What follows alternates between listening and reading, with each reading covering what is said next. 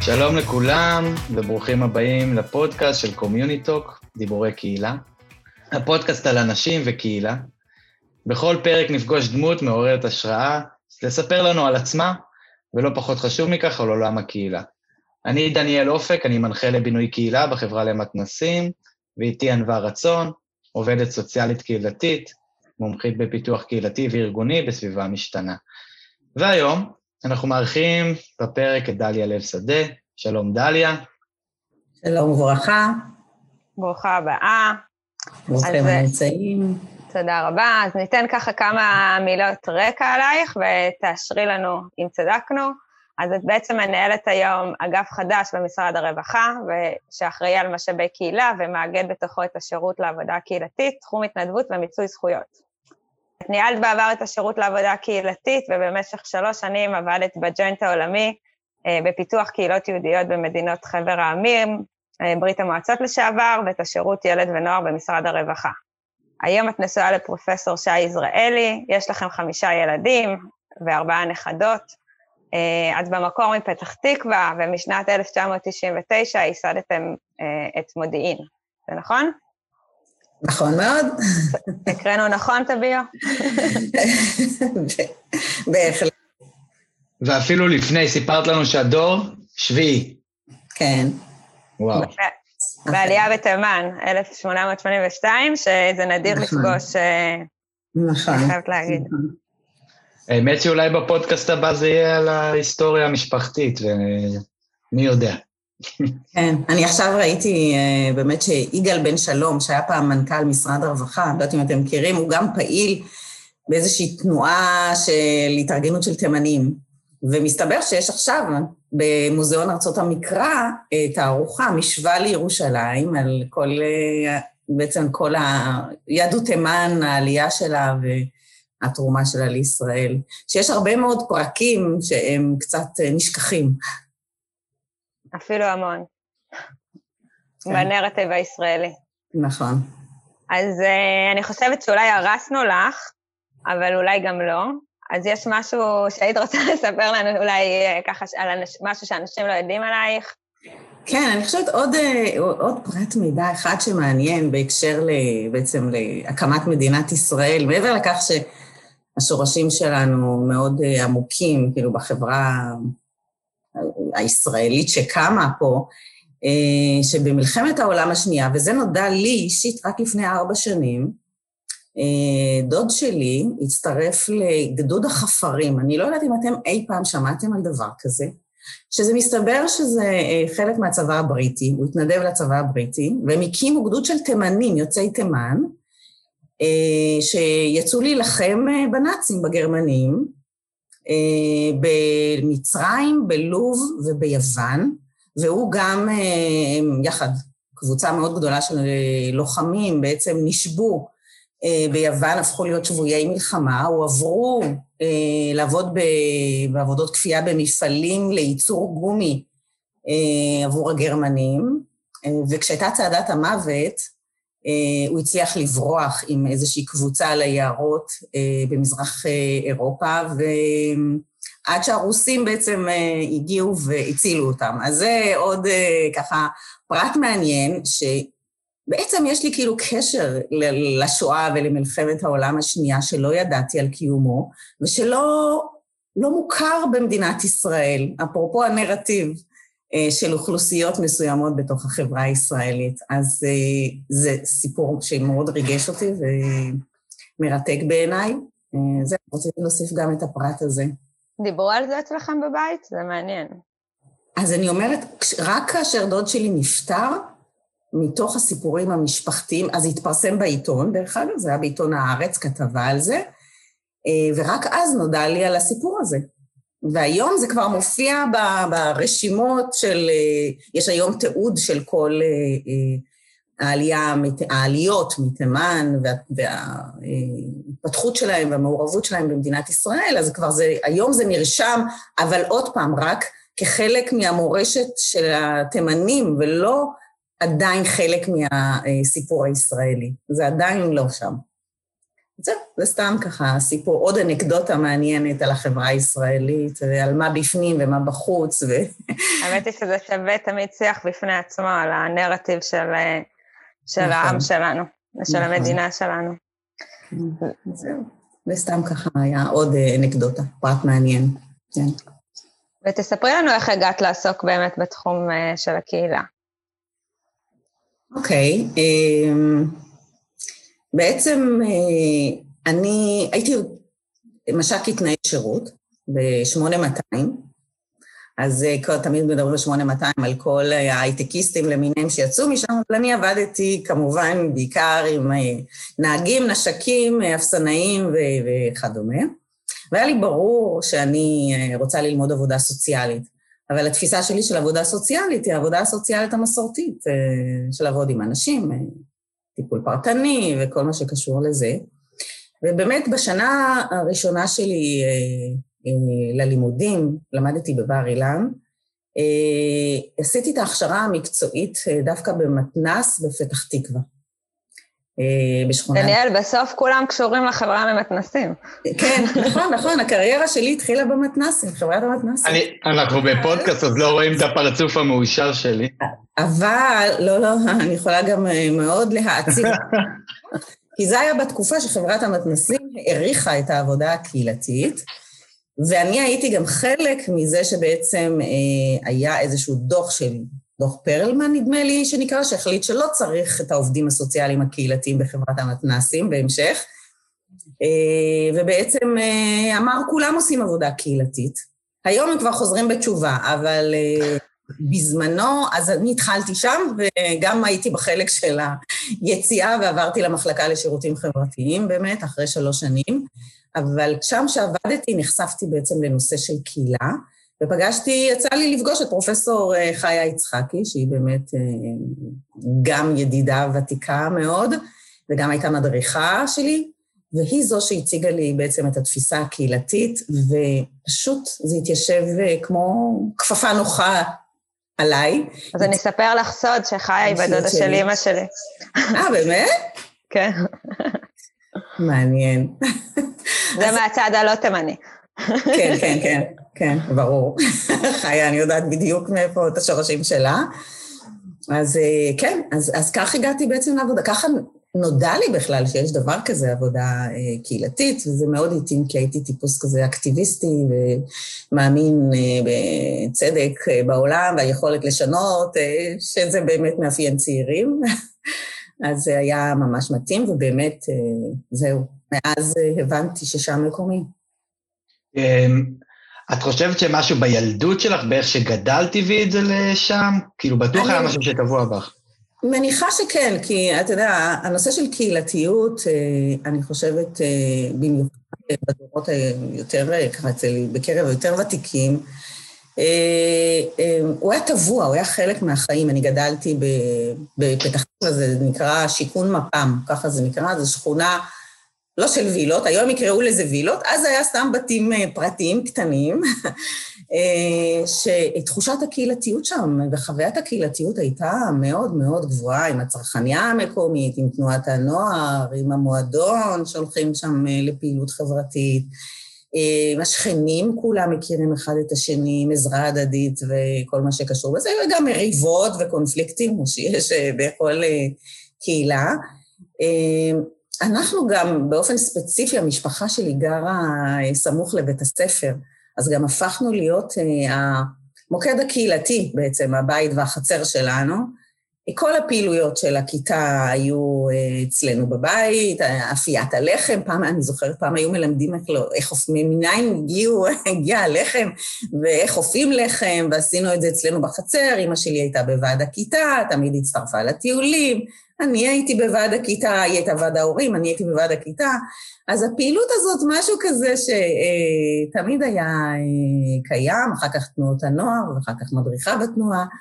אה, אז זה משהו שככה מלווה אותי לאורך החיים, כן, יכול להיות שזה קשור. את קצת מסתייגת, אבל כשאנחנו שומעים את זה, אז אין ספק שזה קשור, אפרופו, הרבה פעמים uh, שמתי לב שאומרים את זה קצת על התנדבות, שאתה רואה את ההורים שלך מתנדבים או עושים משהו למען אחרים, אז אתה בעצמך נכון. סופג את זה ועושה את זה, וגם אותו דבר לגבי קהילה, אתה רואה uh, שיש uh, אנשים שהם הרבה פעמים קהילתיים בזכות ההורים שלהם, והחוויה שהם חוו אפרופו בשכונה. מאוד מאמינה בזה. אז הזמנו אותך היום באמת אה, לדבר איתנו על איך בעצם אה, יוצרים שותפויות על מנת אה, לייצר פיתוח קהילתי בר קיימא.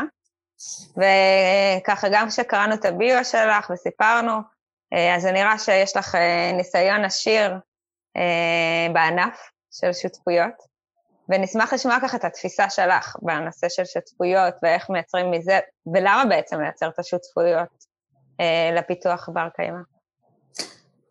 טוב, התפיסה שלי היא שאין אין אה, עבודה קהילתית, עשייה קהילתית אה, בלי שותפויות. זאת אומרת, שותפויות זה הליבה.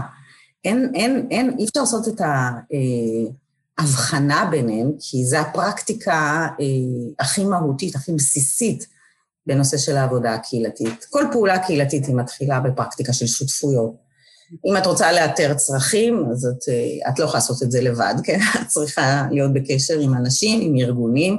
אם את רוצה לארגן, לפתח, אה, לבנות קהילה, לא משנה, כל, אה, כל אחד, כל אחד מאנשי המקצוע שמסתכל על זווית אחרת, את, אז את צריכה לעשות את זה בשותפויות, את רוצה לבנות, לפתח שירותים, זה צריך להיות יחד עם אנשים נוספים, תוכניות אם את רוצה להקים אירועים, התארגנות קהילתית, אם רוצים לפעול לשינוי של משהו, אה, אז זאת אומרת, הם, הם שלובים ביחד, אה, אי אפשר לעשות בעצם אה, בכלל הבחנה ביניהם. אז ככה ששותפויות זה התשתית הכי בסיסית וחיונית בפעילות הקהילתית. מאוד מאוד קל לדבר על שותפויות, ולמה זה חשוב. ויותר קשה לעשות את השותפויות, משום שזה דורש השקעה. אה, וזה לא תמיד ברור, וזו השקעה גם של מחשבה וגם של תכנון, גם של פיתוח כלים, גם של הקצאת זמן, אה, משאבים, אה, ופתאום אתה אומר, וואו, בעצם זה גם עבודה לא קלה לעשות ולקיים שותפויות. ולכן, אתם יודעים, קשה מאוד, מצד אחד זה ברור שאי אפשר אחרת, ומצד שני, זה לא רק משהו ספונטני שאתה אומר, אוקיי, אני עובד עם uh, X או עם Y, uh, פשוט על זה יקום או ייפול דבר, ולכן uh, זה חייב להיות מתוכנן. עכשיו, גם אומרים למה קשה לעשות שותפויות, כי זה בגלל עניין של אגו. אז זה לא רק אגו. אגו זה החלק, כאילו הקהל אומרים, טוב, בסדר, צריך לדבר על אגו, אבל יש הרבה מעבר לנושא של אגו. אתה ניצב מול תפיסות עולם שהן שונות משלך, אתה בעצם כל הזמן שם מראה לעצמך ולתפיסות העולם שלך, כי אתה נתקל באנשים שחושבים אחרת, לפעמים אפילו חושבים אה, מנוגד לעמדה שלך, אה, אז איך אתה מתייחס לזה? זה מציב לך אתגרים, אתה, אנשים מציעים פרקטיקות אחרות משלך, או משלך, במקרה הזה זה משלי, אז אה, שאני יודעת ואני מאמינה שזאת הדרך הנכונה לעשות את זה, ופתאום אני רואה שיש פרקטיקות גם אחרות. אה, על כל מה שמשתמע מכך, ו... ואז צריך בעצם גם להשקיע בזה הרבה מאוד זמן אה, ומשאבים. אז זה לכן... אני חושבת שזה האגו והדברים שתיארת עכשיו הם קשורים אחד בשני.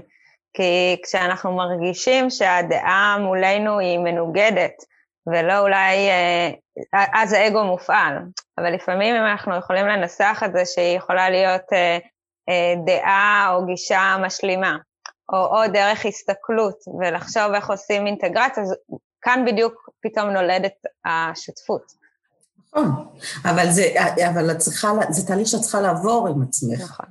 ואת צריכה לעשות את זה יחד עם השותף שלך, או השותפים שלך, ככל שיש יותר, אז זה יותר מורכב כמובן, אה, וכולם צריכים להיות באותו mindset, אה, כאילו, באותו כיוון של חשיבה שצריך לעבור את התהליך הזה. ושנקודת ההתחלה היא לא נקודת ההמשך אה, או, או הסוף של התהליך, אלא כולם צריכים לעבור את התהליך של, ה, אה, של הצמיחה, של ההתפתחות הזאת, אה, כדי להיות מסוגלים בסוף גם לייצר משהו משותף. ולתוך המשוואה הזאת אתה לא עובד רק עם קולגות שלך, אתה עמיתים למקצוע, אתה עובד עם אה, נבחרי ציבור, ואתה עובד עם, עם אנשים בכירים, ואתה עובד עם תושבים ופעילים, אז המשוואה הזאת הרבה הרבה יותר מורכבת. משום שכל אחד בא ממקום אחר, עם תפיסות עולם אחרות, עם אינטרסים שונים ומגוונים, ובעצם זה סוג של אומנות, איך, איך לייצר את, ה, את השותפות הזאת שתוביל בסוף לפיתוח של משהו חדש, של יצירה אחרת שתענה לצרכים של כולם בעצם בסופו של דבר, כי גם אנחנו כאנשי מקצוע יש לנו את הצרכים, למרות שאנחנו יודעים שאנחנו באנו לשרת את התושבים ולספק את הצרכים של האוכלוסייה וכך הלאה, זה לא תמיד אה, מובן מאליו בתוך משוואת האינטרסים המורכבת הזאת. אגב, משפט ששמעתי פעם, זה שמשא ומתן טוב, כולם מרגישים שהם הפסידו. אה, ואז אתה יודע שיש לך משא ומתן טוב. אז זהו, הנושא גם באמת של, אה, אה, של הפסד מול הגישה של הווין ווין, כאילו שזה עד כמה אתה מתפשר ועד כמה אתה מרגיש שאתה מפסיד, או עד כמה אתה מסוגל כבר להתחבר לרעיון החדש ולהגיד, אוקיי, אז אולי ויתרתי או פספסתי משהו, אבל הרווחתי משהו אה, טוב יותר, אולי חשוב יותר, אולי מתאים יותר. אה, כן, זה התהליך, זה התהליך של ההתפתחות, עד שאתה מאמין ברעיון החדש, אתה בעצם שהולך ונבנה, ואתה גם בסוף מגיע למצב של זה, אתה אומר, זאת אומרת לעצמך, זה גם הכי טוב, זה הכי נכון לעשות את זה כך. ועוברים את התהליך הזה. ולפעמים גם לא מצליחים, בואו נודה, יש גם, יש בהחלט תלונות, נכון. ללא ספק. כן. עליה, אמ, אפרופו קצת שאמרת לגבי זה שהרבה חושבים שאגו, אני מאוד מסכים איתך אגב, שזה לא בהכרח רק אגו, אבל מה לדעתך החסם ככה המרכזי שאת מזהה אה, ביצירת שותפויות? אני חושבת שהרבה אה, פעמים זה קשור לידע וניסיון מצטבר ולהדרכה בתוך התהליך. אה, אנשים לפעמים באים עם רצון טוב לעשות שותפות, לקיים את השותפות, אבל לא תמיד הם יודעים איך לעשות, וכמו שאמרנו, זה תהליך אה, מורכב, אה, שצריך הרבה מאוד רגישות בתוך התהליך הזה, צריך אה, הרבה מאוד תשומת לב ונכונות באמת להקשיב לשני ולהבין בדיוק מה הוא רוצה. לכן, אם אתה יודע מראש שאלה שלבים צפויים ושניתן להתמודד עם זה בדרך כזאת או אחרת, ואתה יודע מה הדרכים האלה.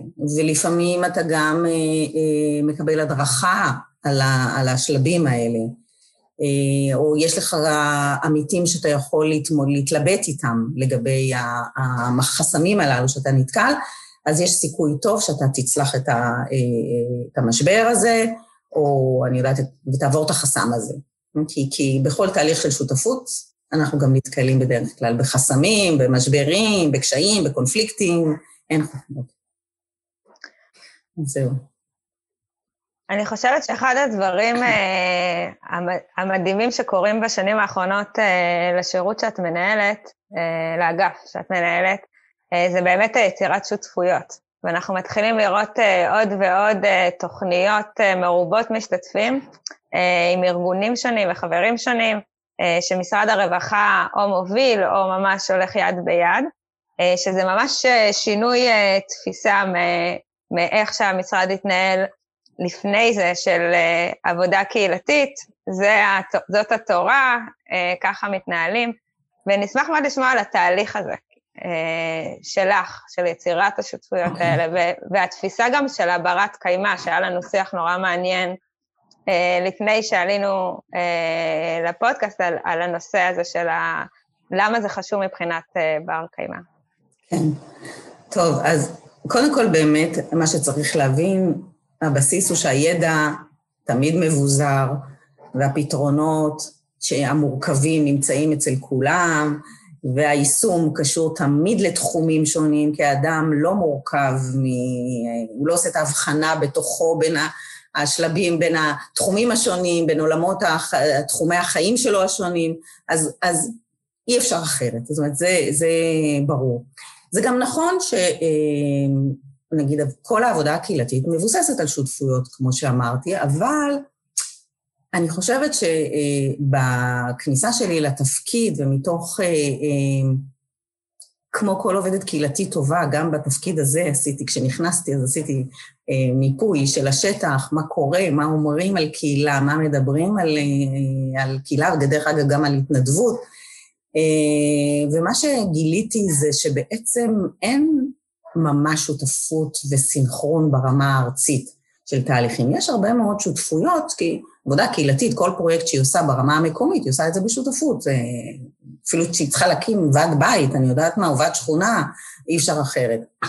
אבל זה לא מה שפועל ברמה הארצית, והרמה הארצית מאוד מעורבת ברמה המקומית. זאת אומרת, כל אה, אה, משרד ממשלתי כמעט מוביל היום תהליכים שיש להם אה, השפעה על הקהילה, והם עובדים עם פעילים לפעמים בקהילה, אבל השכן, הקולגה שלו ממשרד אחר לא יודע את זה, ויש הרבה פעמים שאנחנו רואים שיש קהילות שהן מאוד מאוד אה, מושקעות במשאבים למשל, וקהילות אחרות שהן מאוד מאוד מוזנחות, כי שם יותר קשה אה, לעבוד, ולפעמים התהליכים סותרים אחד את השני, מנוגדים אחד לשני, ויוצרים או עומס רב על אה, קהילה מסוימת או רשות מסוימת, וחסר אה, במקום אחר. אה, ולכן אה, הבנתי שיש עוד רמה של שותפויות שצריך לפצח. זה ברמה הגבוהה יותר, זאת אומרת, רמת משרדי הממשלה, האקדמיה, הארגונים הפילנטרופיים, מובילים בתחום הכלכלי, אה, וזה בעצם אה, הוביל אותי ל, ל, לכך, ליוזמה, אה, שאמרתי, אוקיי, בואו, מה יקרה אם נושיב את כולם ביחד וננסה להגיע לאיזה שהן הגדרות מוסכמות, לבנות מדדים משותפים, כדי שנדע גם שאנחנו משיגים את המטרות שלנו, וללכת ובעצם לאתר פרקטיקות מצליחות שתומכות בזה.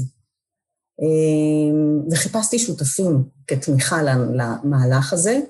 אה, באמת, אה, די מהר מצאתי את, אה, אחרי שמשרד רוה"מ סירב, ואלקה בג'וינט סירבו, אז מצאתי את זה באמת באשלים, שהם התחילו להניע באותה תקופה את הנושא של, בעקבות שינוי ארגוני, את הנושא של מוביליות חברתית. והם ראו את הצד של הקהילה מצד המוביליות, אני ראיתי את הצד קהילה מתוך, כמובן, העבודה בקהילה, ונוצרה השותפות הראשונית בינינו. מהר מאוד גם קרן רש"י הצטרפה למהלך הזה, ואז אה, כבר יכולתי בעצם אה, לייצר תשתית של גופים שאני שוחחתי איתם. ומהר מאוד הגיעו אלינו אה, לשולחן אה, למעלה מחמישים ארגונים, שכולם מדברים קהילה בצורה כזאת או אחרת, וזה מדהים. בין אם זה אה, משרד רוה"מ על, על שלוש יחידות שלו, ובין אם זה אה, המשרד לי, היום להתיישבות, שאחראי על כל הקהילות המשימתיות, ובין אם זה נגב גליל, ובין אם זה שוויון חברתי, והיום קידום קהילתי, ו... ומשרד החינוך, ובאמת, אה, והאקדמיה, והארגון הפילנטרופי, כאילו בעצם אה, פורום הקרנות. אה, הסוכנות היהודית, ביטוח לאומי ועוד, באמת נוצר מצב של, כולל המגזר העסקי, ארגון מעלה שהיה שותף לנושא, ששותף לב אוהב, שזה בראשותו של עופר ברקוביץ', שגם רץ לראשות עיריית ירושלים בזמנו, והקים איזושהי עמותה שמשלבת עסקים, קהילה. אה, ו- ומאוד מעניין השיח שמתחיל להיווצר סביב השולחן הרחב הזה. אה, הבעיה היא, כרגיל, כמו בכל שותפות, שהקצב הוא איטי. זה לא פשוט להקשיב לכולם, אה, תפיסות עולם שונות, כמו שאמרתי, אבל אנחנו לא מוותרים כאן, אנחנו התחלנו איזשהו מהלך ארצי רחב מאוד, שבסוף יעשה שינוי בעשייה הקהילתית במדינת ישראל, ללא ספק. הגוף המארגן שלנו זה אשלים שנבחר לארגן את המהלך הזה, קרן רש"י מוסיפה מרכיבים מאוד משמעותיים של איך לבסס את הכל על, על מידע, על נתונים, על איך ממתגים נכון את נושא של הקהילה, איך מחברים את הקהילה לתהליכים וירטואליים שקורים היום ודיגיטליים שמסייעים בתהליכי פיתוח של קהילות.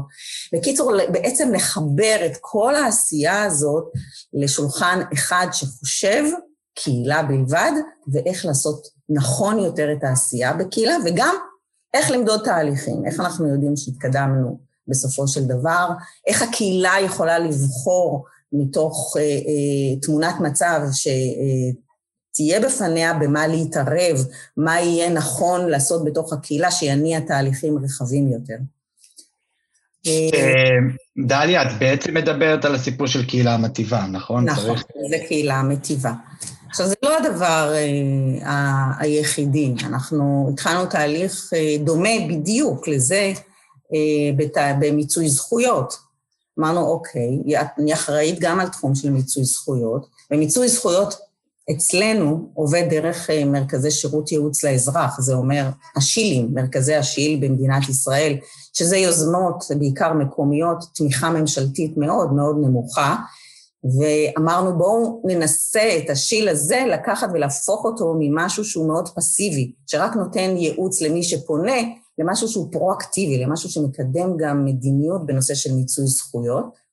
באותם תהליכים, כי הרי השילים נשענים על מתנדבים, והמתנדבים האלה בסוף הם פועלים בתוך קהילה, בתוך רשות מקומית ולפעמים גם בתוך ממש ברמה הקהילתית.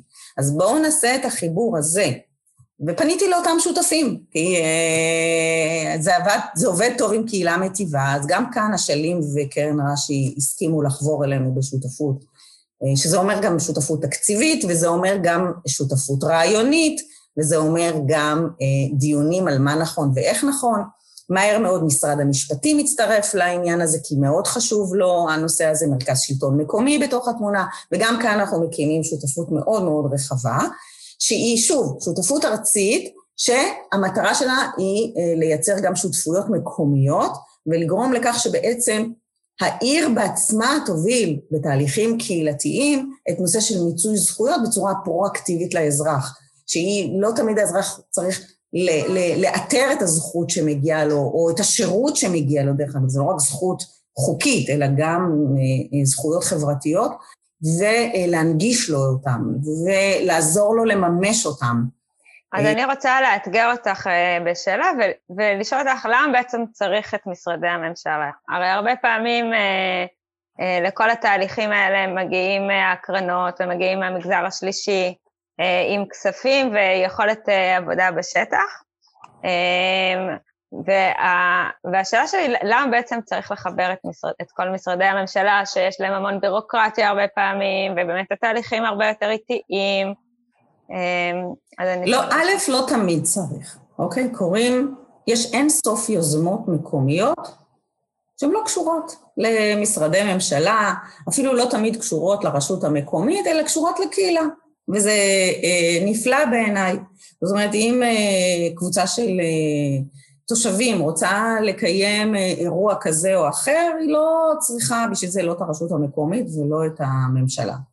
אבל כאשר רוצים להניע תהליכים, שגם רוצים ליצור סדר יום חברתי אחר, כאשר הם כרוכים גם בהשקעה של משאבים, אז זה טוב שהממשלה נמצאת שם, כי היא זו שתומכת בפעולות האלה בסופו של דבר.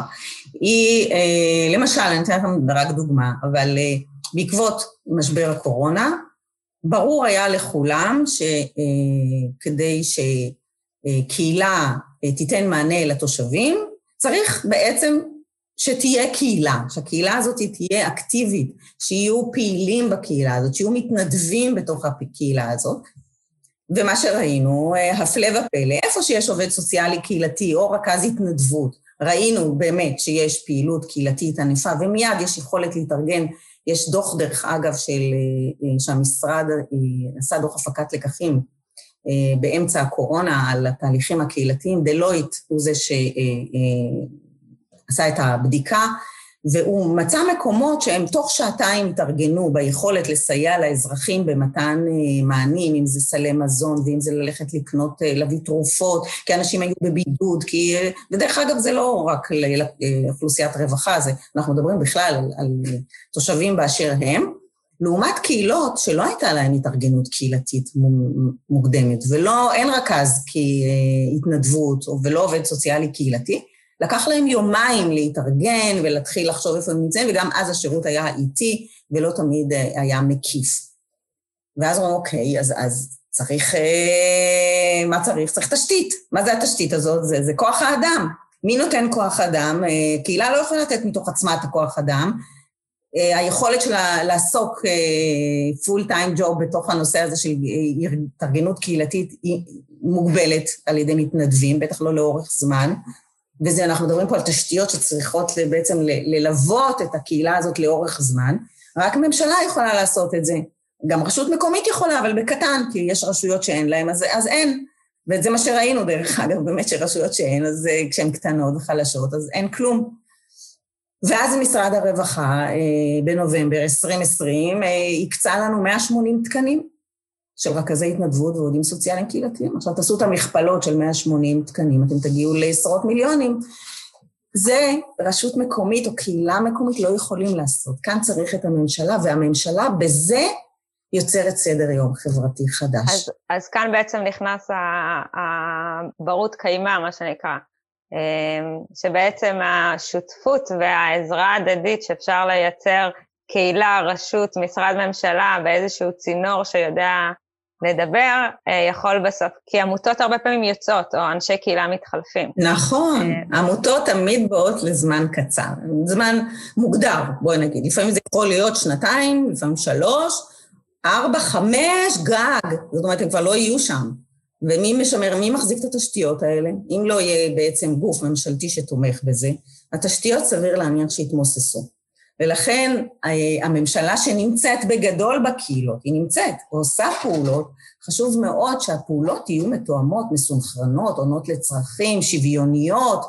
עכשיו, דרך אגב, זה דבר אחד לבר קיימא. זאת אומרת, אבל יש גם דברים נוספים שצריך את הממשלה. אם את נתקלת במצבים שהם באמת, אה,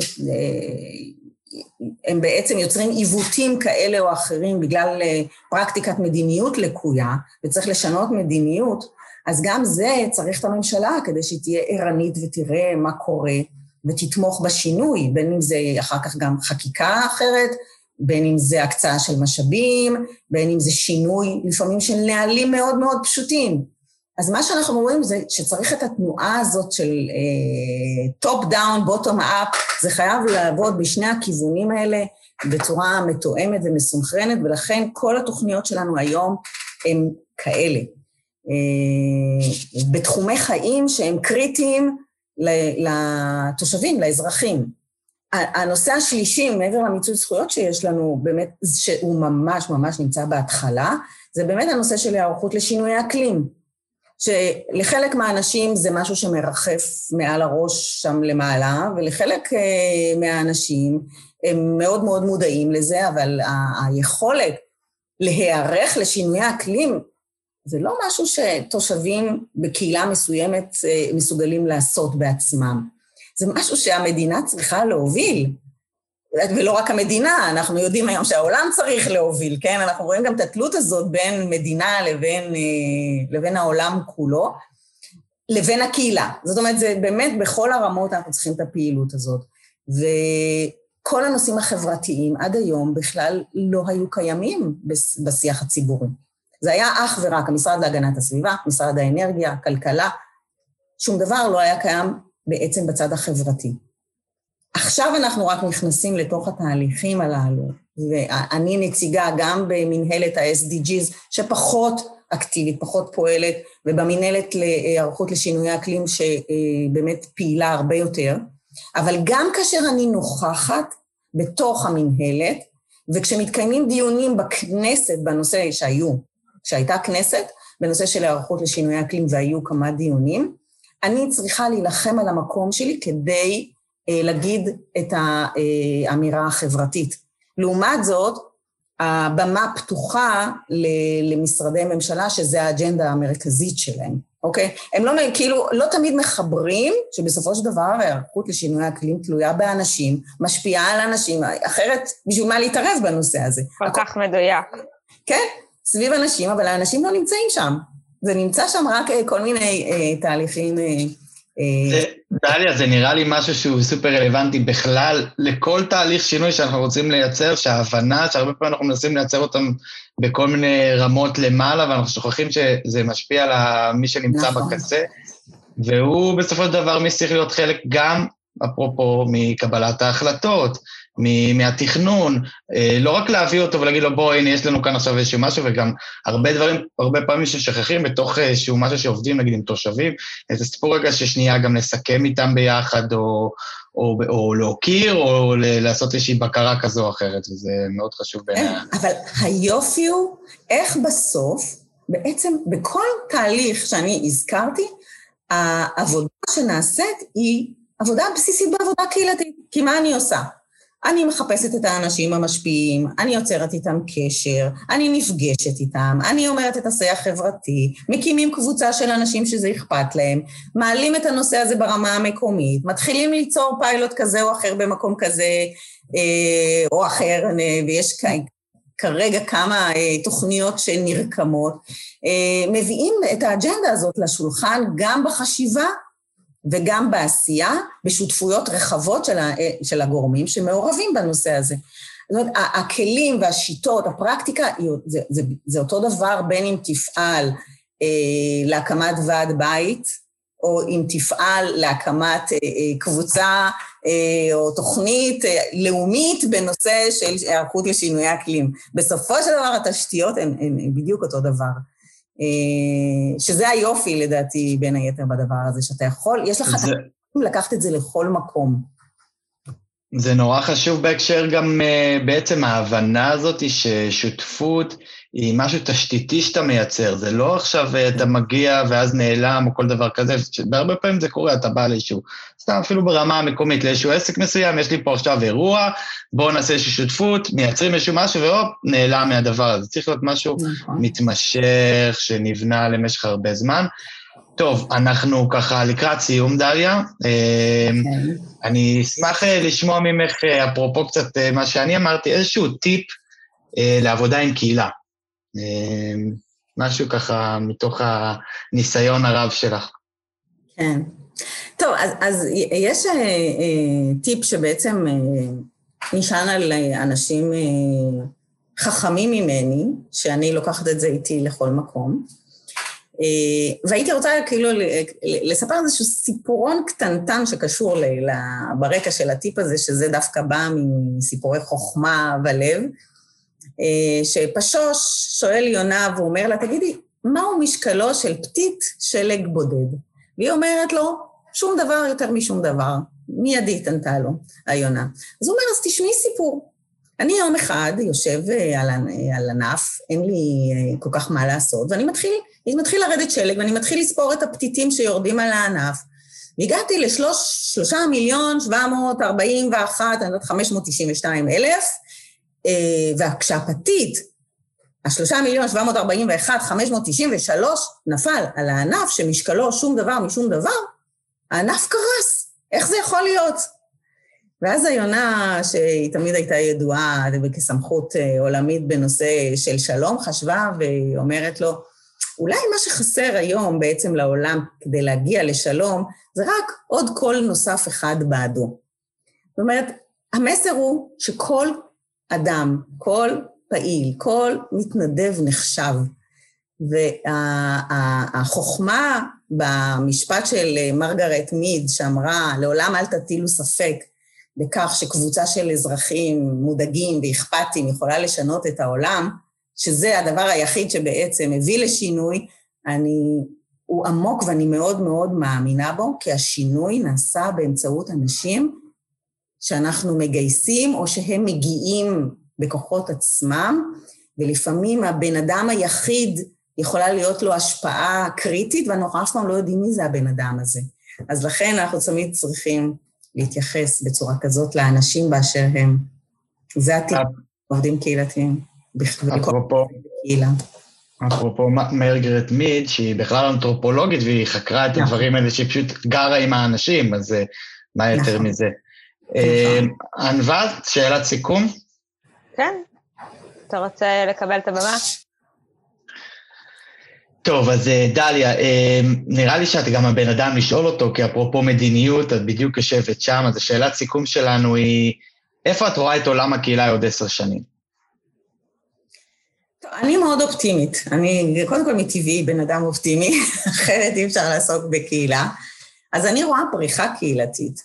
אני רואה שאנשים בכל רמות התפקידים היום, בין אם זה בממשלה, בין אם זה ברשות המקומית, אנשי מקצוע בשטח, אזרחים רגילים, כיום כולם מבינים, ואני חושבת שהיום, בעקבות משבר הקורונה, יותר מתמיד, שטוב, לפעמים טוב שכן קרוב מאח רחוק.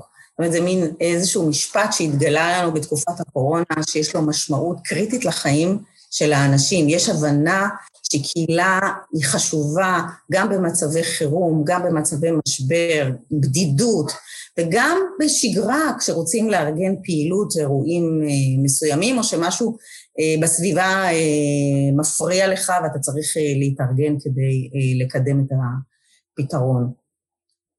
ובעצם אני אומרת שיש מענה פלא, ושהוא לא יקר, ושהוא נשען על, על המשאבים קיימים, אנשים קיימים, היכולות שלהם קיימות, הניסיון שלהם, הידע שלהם, הכל קיים, הארגונים קיימים, העסקים קיימים, הרשויות, כאילו הכל ישנו, ורק צריך לעשות את ה... הטבע והסביבה, דרך אגב, קיימים, איך שלא נסתכל על זה.